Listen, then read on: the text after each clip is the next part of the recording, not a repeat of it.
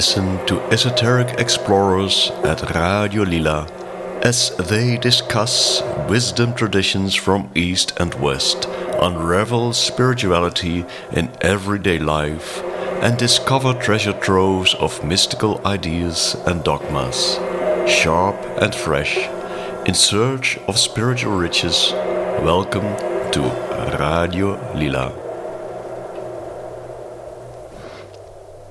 Hello, everyone. My name is Marleen Schefferly, and as you can hear, this is another English edition of our show. Uh, Radio Lila is a Dutch spoken channel.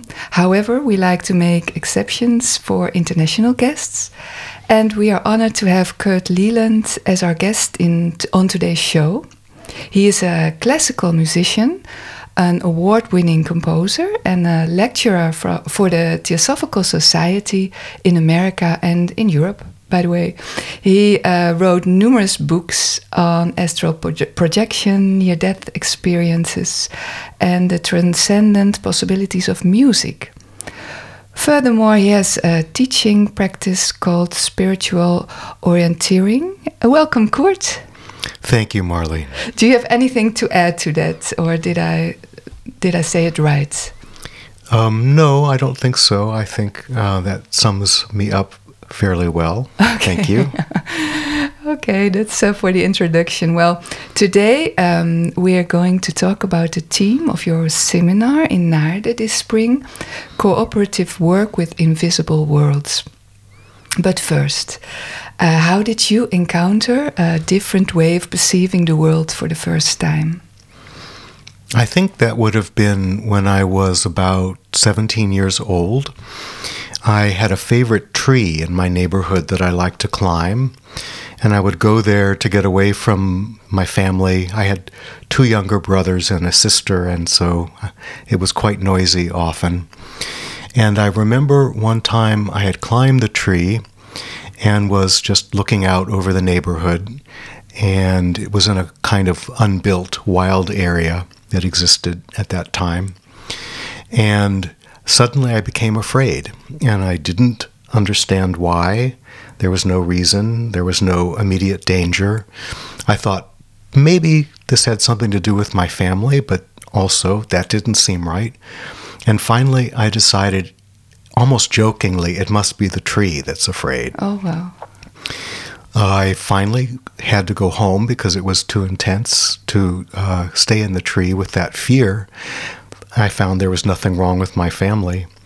But two or three days later, I went back to the area and the tree had been cut down because a house was to be built there. And I was quite shocked and surprised at this indication that the tree had feelings and that I was aware of them. That's so interesting. It's always the trees. Um, I have uh, uh, the poet and artist William Blake. He had his first vision of angels while walking in a park. And Blake later described this vision as, um, and I quote here, a tree filled with angels, bright angelic wings, uh, bespangling every bough like stars. And so he wanted to, to tell his father about this whole uh, vision but then his mother he warned she warned him never to speak of this vision again. Um, so this was kind of burden on him. Where did you find guidance uh, to yeah to get a hold of this. That would have been from my grandmother uh, sorry grandfather who was my mother's father.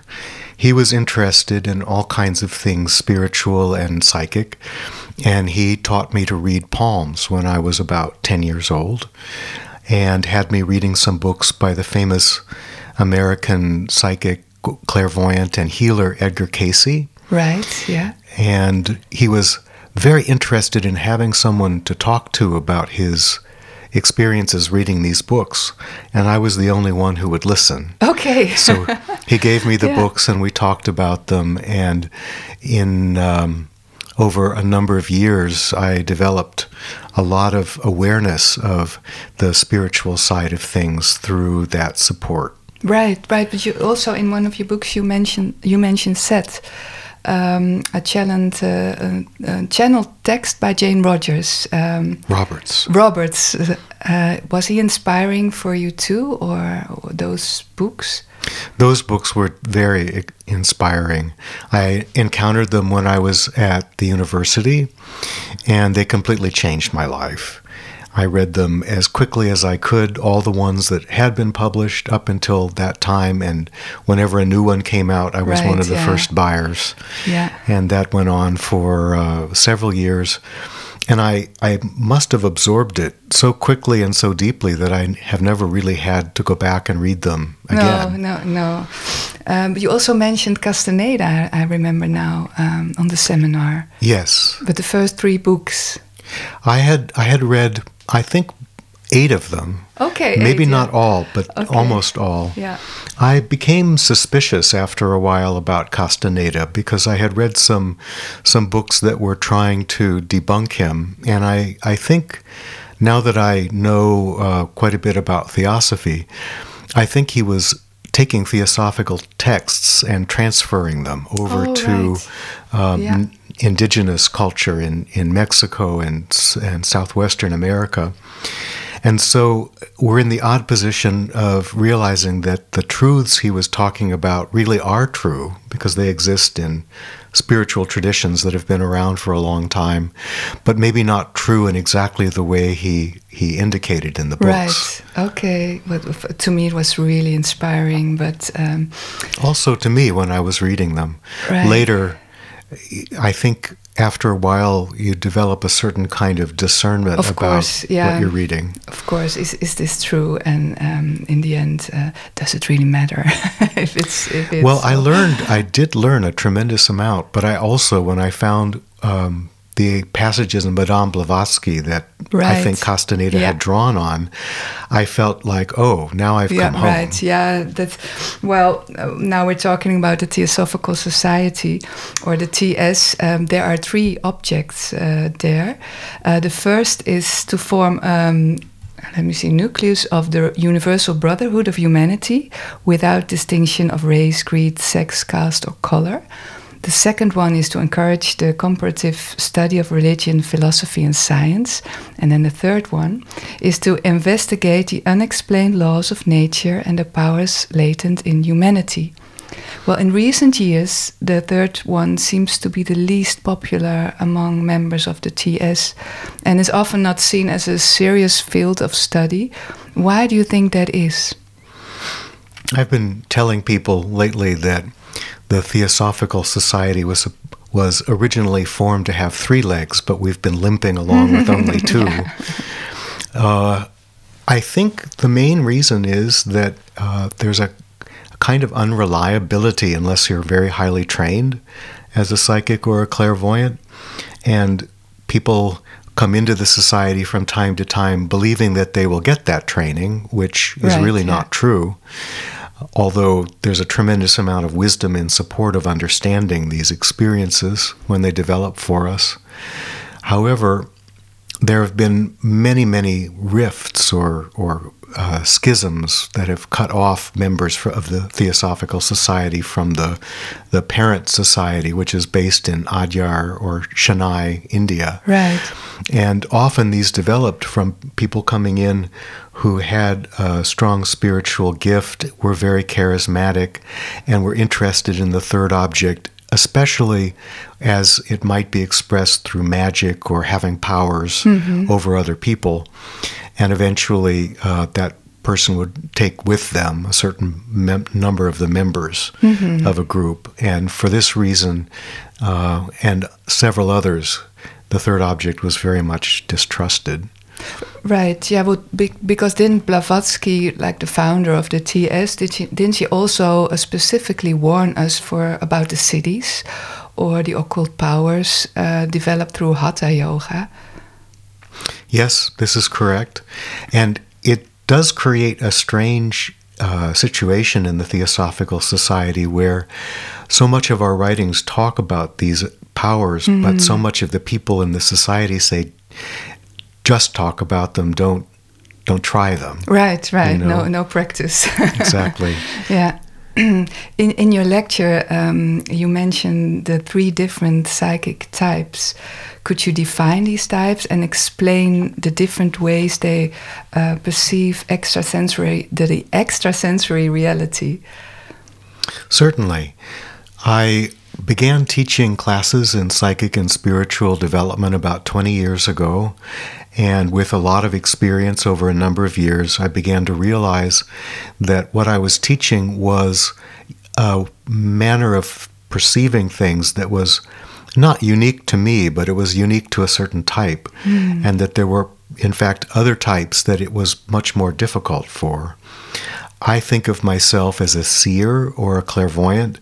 For me, imagery and information is the essential way that I pick up inner sense right. data.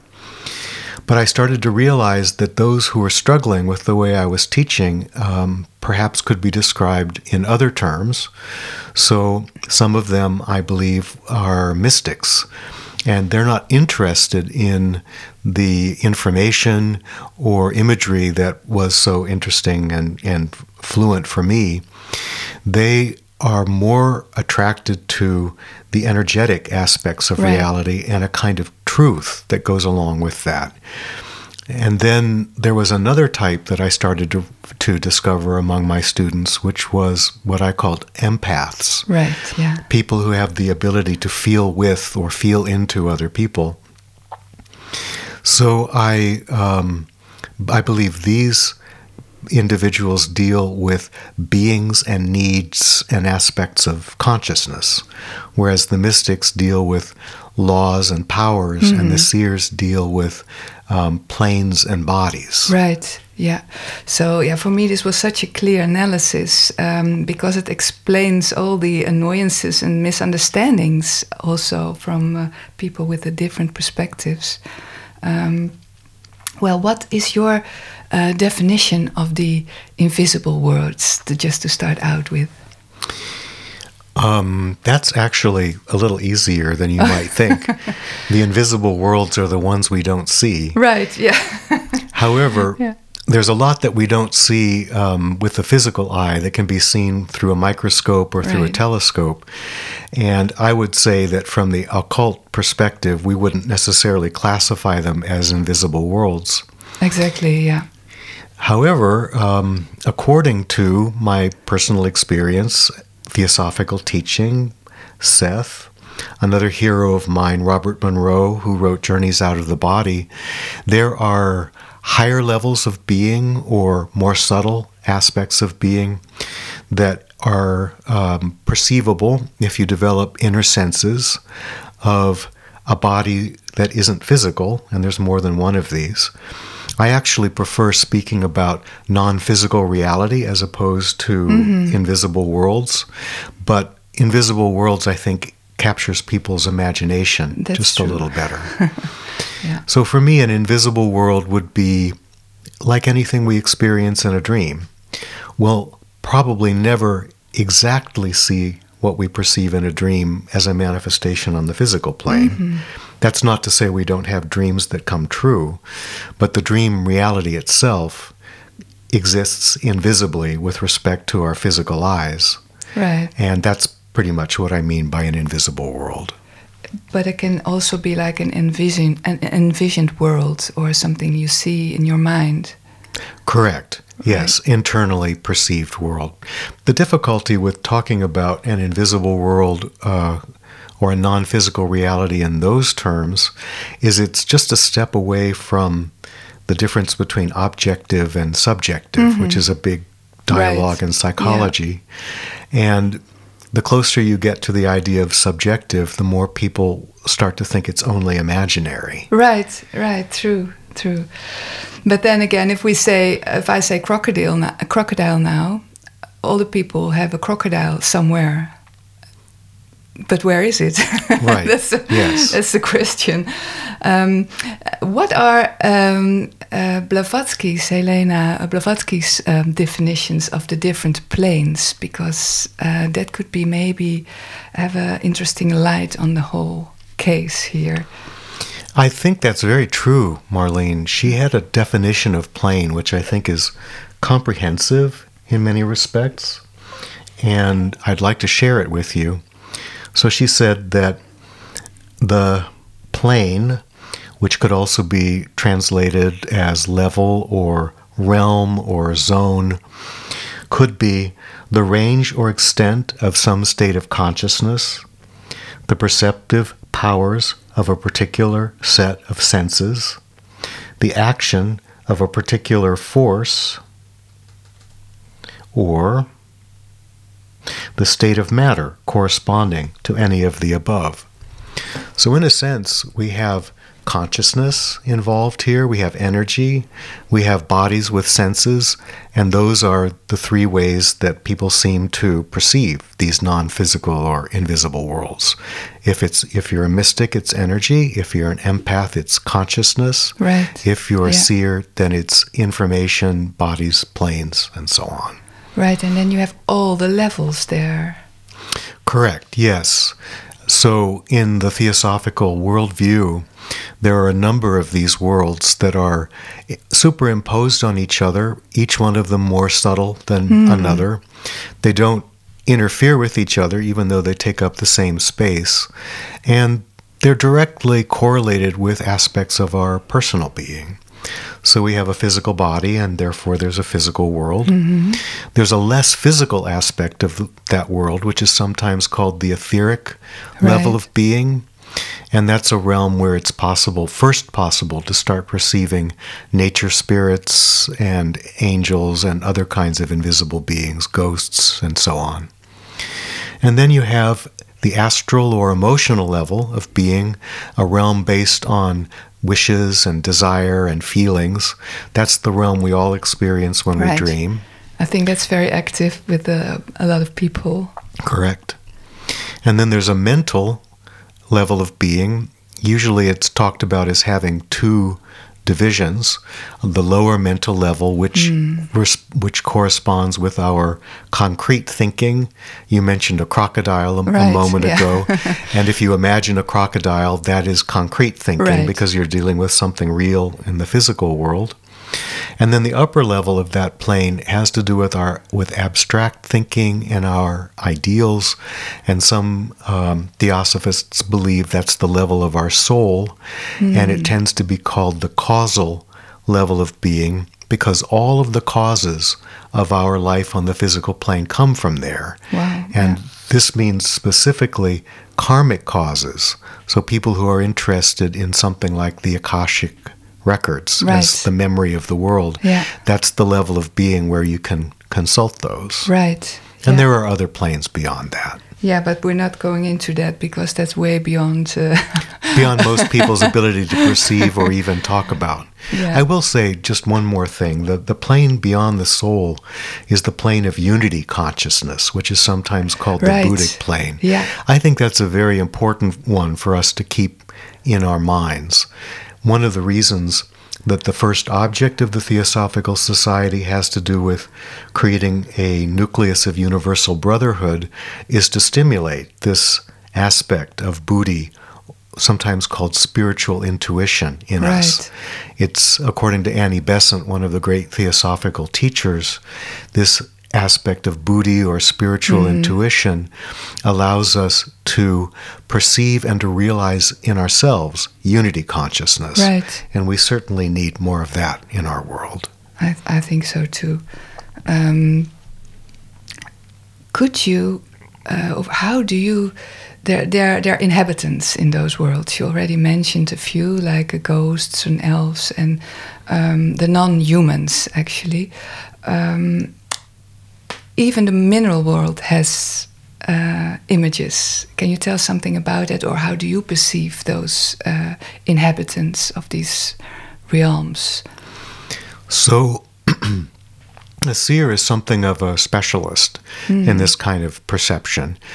Visual information or inner sense information translated visually is, is typical for us. Right. So, for example, in your description of Blake, were there angels really in the trees? Mm-hmm. Or did he imagine it? Or were, were they images that he used to help him understand and relate to some kind of non physical being who Right, was present yeah. to his perception. That's the way I would look at things, is that it was presenting itself to his perception in Right. that way. It's, So it's an inner picture, actually. Could Right. you say that? Yeah. Yeah, it, and yet you know it's real. You know it's connected to your experience in physical reality somehow, Mm-hmm. even if it's not visible to anyone else's eyes. Right. Yeah. And often these kinds of things, I'm not talking about uh, drug induced hallucinations or, or psychiatric hallucinations specifically, but these things have an intensity, a reality that seems to be far greater than most of what we experience when we're just wandering around Right. during the day in our ordinary waking consciousness.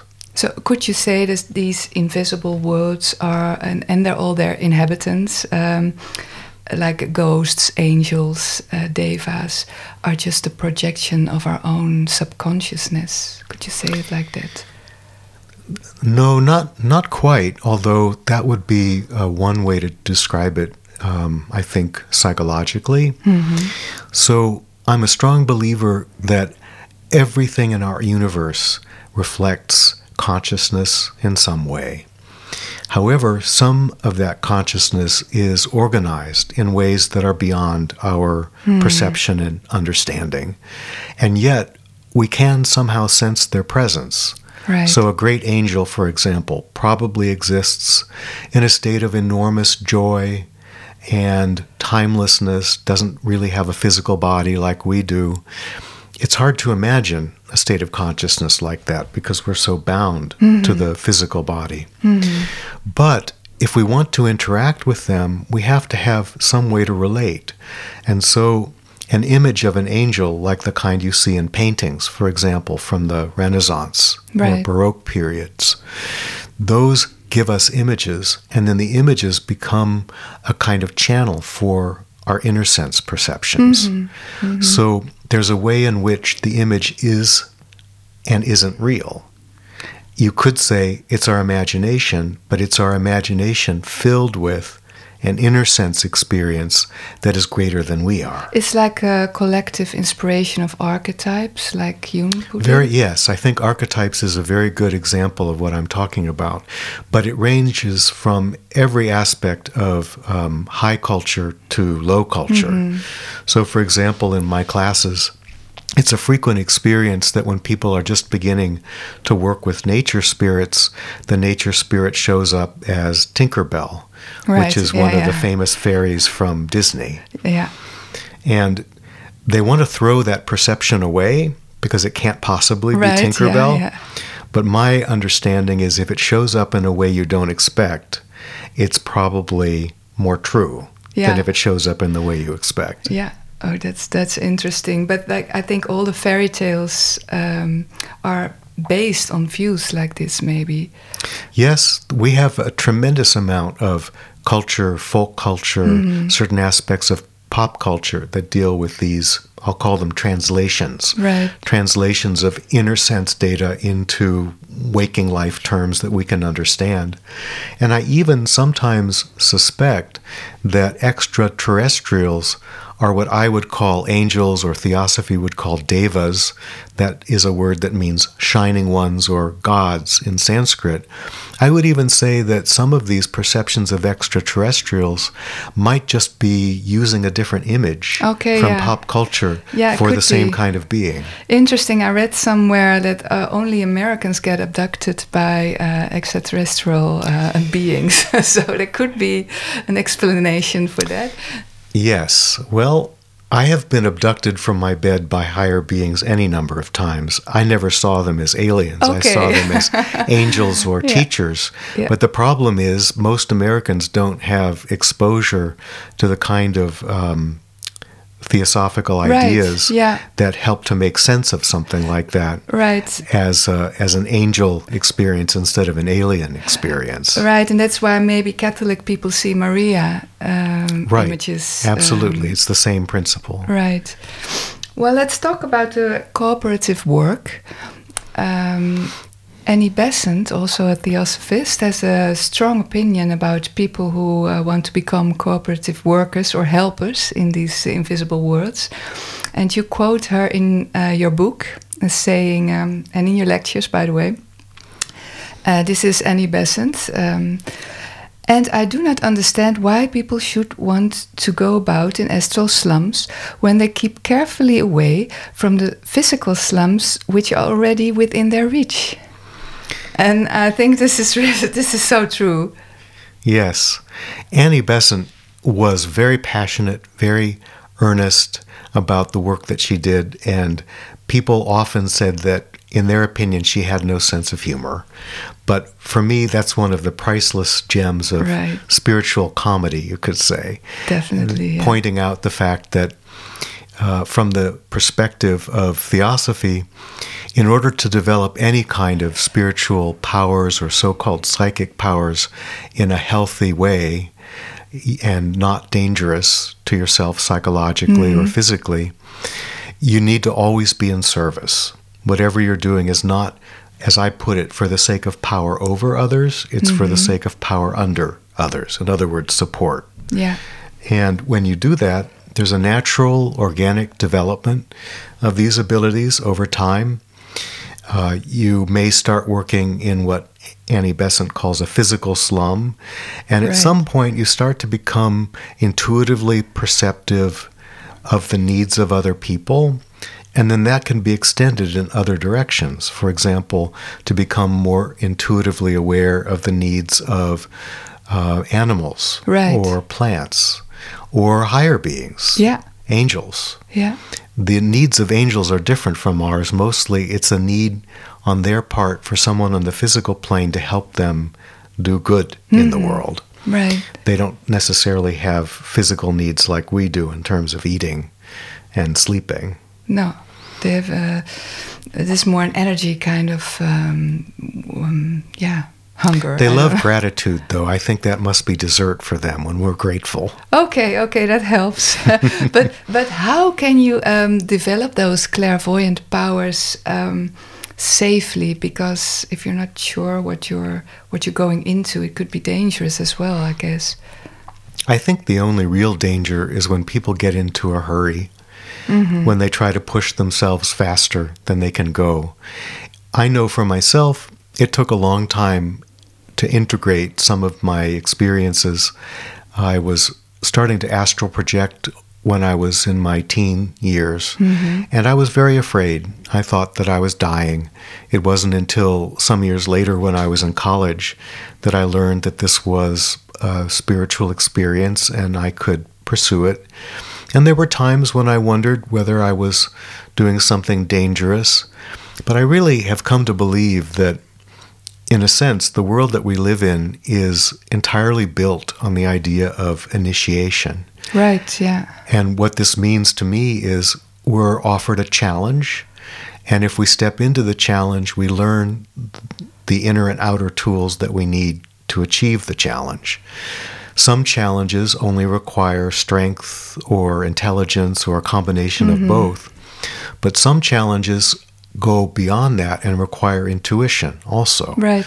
Yeah. So if we're challenged in those ways and we show up and we respond to them, then our intuitive abilities start to develop. But we also have these um, named psychic abilities, and somehow people have ideas that these are better than others and or more likely to give power or some kind of personal satisfaction. Such things as uh, clairvoyance, for example. I like calling myself a seer better than calling myself a clairvoyant. Yeah. People expect that you just look at someone and you see their aura and you see all the colors and you can tell everything about them, and it, it doesn't really work that way. No, no. So, so how can we just be sure we're not dealing with our own selfish uh, mind projections? Annie Besant has a, a wonderful way of making that differentiation. She says, if you're excited about it, it probably isn't true. if if it's calm and business as usual and you're just adding an awareness that helps you understand how better to deal with a problem, then it's probably true. Yeah. So That's when you feel lifted as well. uh, right supported yeah. supported. Yeah, yeah, Yeah. That's uh, um, well. How does this? Well, you were already talking about it. How does this development of higher consciousness, this this Buddhi, come about, or or what are the um, different ways of climbing this ladder of oneness you were talking about earlier? Yes, the ladder of oneness is uh, one of Annie Besant's teachings, and I think it's a very powerful one. Um, it reflects uh, an order of so called kingdoms or realms of being um, that are fami- familiar to most of us. Um, we start with the mineral level of being, and in the theosophical uh, way of looking at things, minerals have consciousness. Right. Yeah. I think the great attraction for people of gemstones and crystals is an intuitive or instinctive realization that that's so. What they're doing is they're actually cultivating pets in the same way that we have pet plants in the form of Right, house pet plants. stones. And yes, exactly. And That's pet, interesting. pet animals. Right. Yeah. So people want to be near them because the state of consciousness that they represent radiates something that Right. they find beneficial and they want to be near.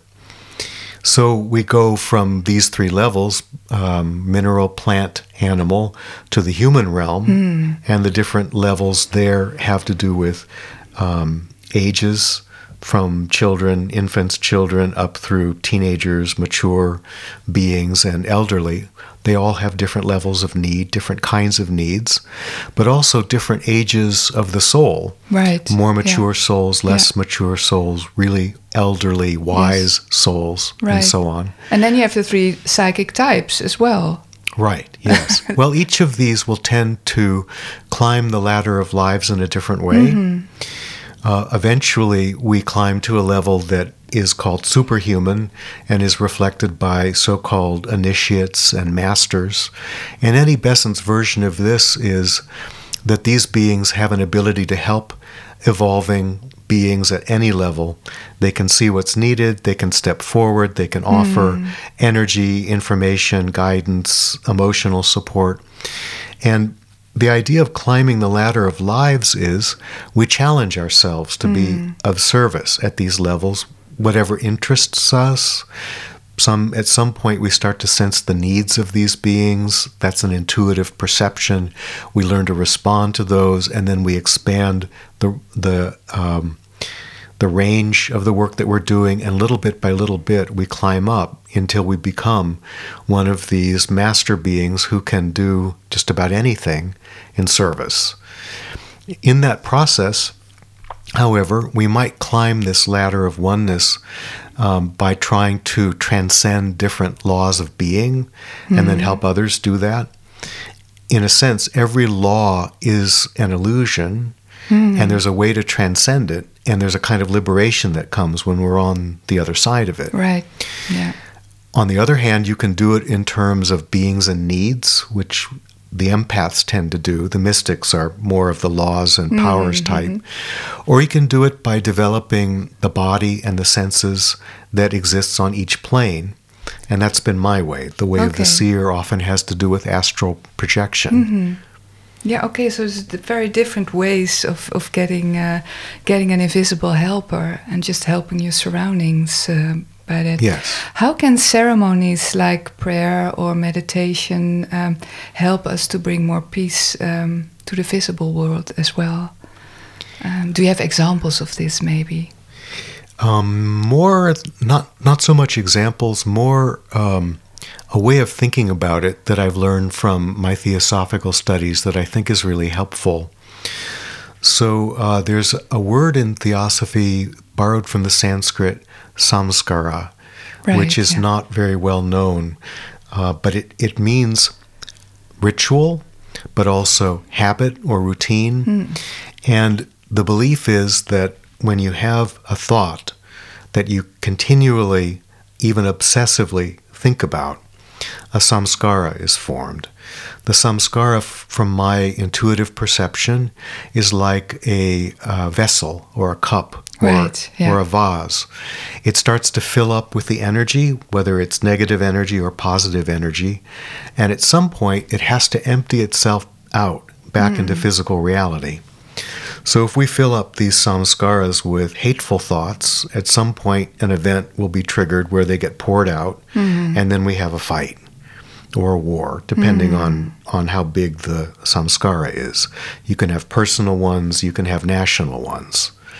A lot of samskaras get poured out in, in uh, soccer matches. Right, yeah. So um, it, this affects every level of our being, these thought forms. But you can also do the same thing with positive thoughts.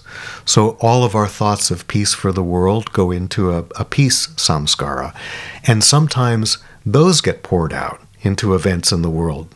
I can think, for example, um, the the fall of the Iron Curtain back in the 1990s Right. Yeah. um, when uh, Berlin was restored and East Germany was restored, and so many of the uh, Soviet bloc countries were able to achieve independence over that period.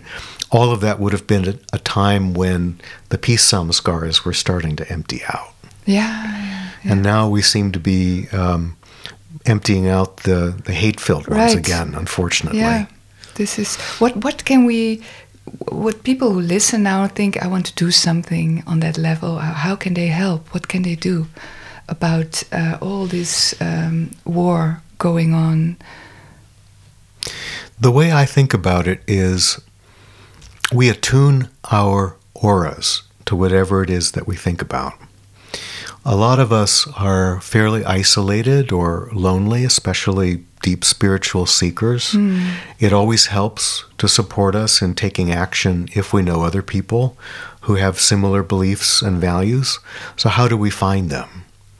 One of the ways to do that is to attune your aura. So if you attune your aura to the idea of supporting peace, inner peace and outer peace, the result is other people who respond to that will notice you. They may not notice you with any kind of direct clairvoyance, but they may notice you because you seem to be uh, attractive to them or brighter in some way, or they they feel like um, you're friendly and they, they want to speak with you. The more people who get together like this, who share beliefs and values along the lines of world peace, the more we have people to work for it, mm-hmm. both internally through meditation and externally through action wherever we are. But I think ultimately we all need to achieve a certain level of inner peace in addition to whatever work we do with outer peace. Because if on the one hand we're we're at a peace demonstration, but when we go home we yell at our kids. Right, yeah. How consistent and helpful Yeah. is that? Yeah, no, it's not. It's not.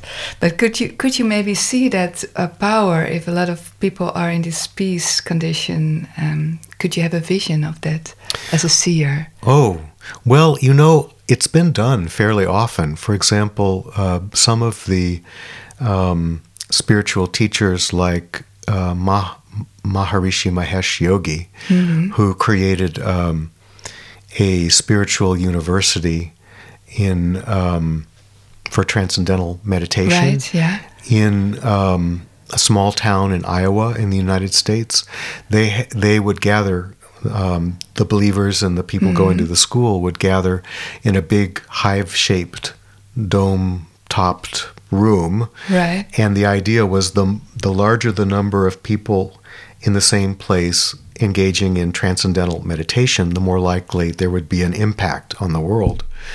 Well, we didn't necessarily see peace, world peace, developing from that, which was the intention, but there would have been samskaras, and they would have dumped out at an Wow. appropriate time. There Yeah. would have been an influence from it. The thing is, we don't see behind the scenes like this, so we hmm. can't see that that sort of action has an actual effect on the world. Um, so, It all gets back to the whole oneness of, of things again. well, yes, Yeah. obviously.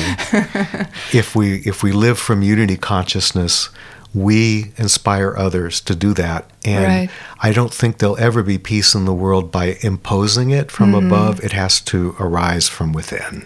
Oh, I think that's our beautiful final words, uh, Kurt. Uh, thank you very much for being our guest. Thank you, Marlene. And uh, for listeners who want to know more about Kurt Leland, his work, and his books, we'll put a few links in the description of this podcast. Thanks for listening, and till the next one.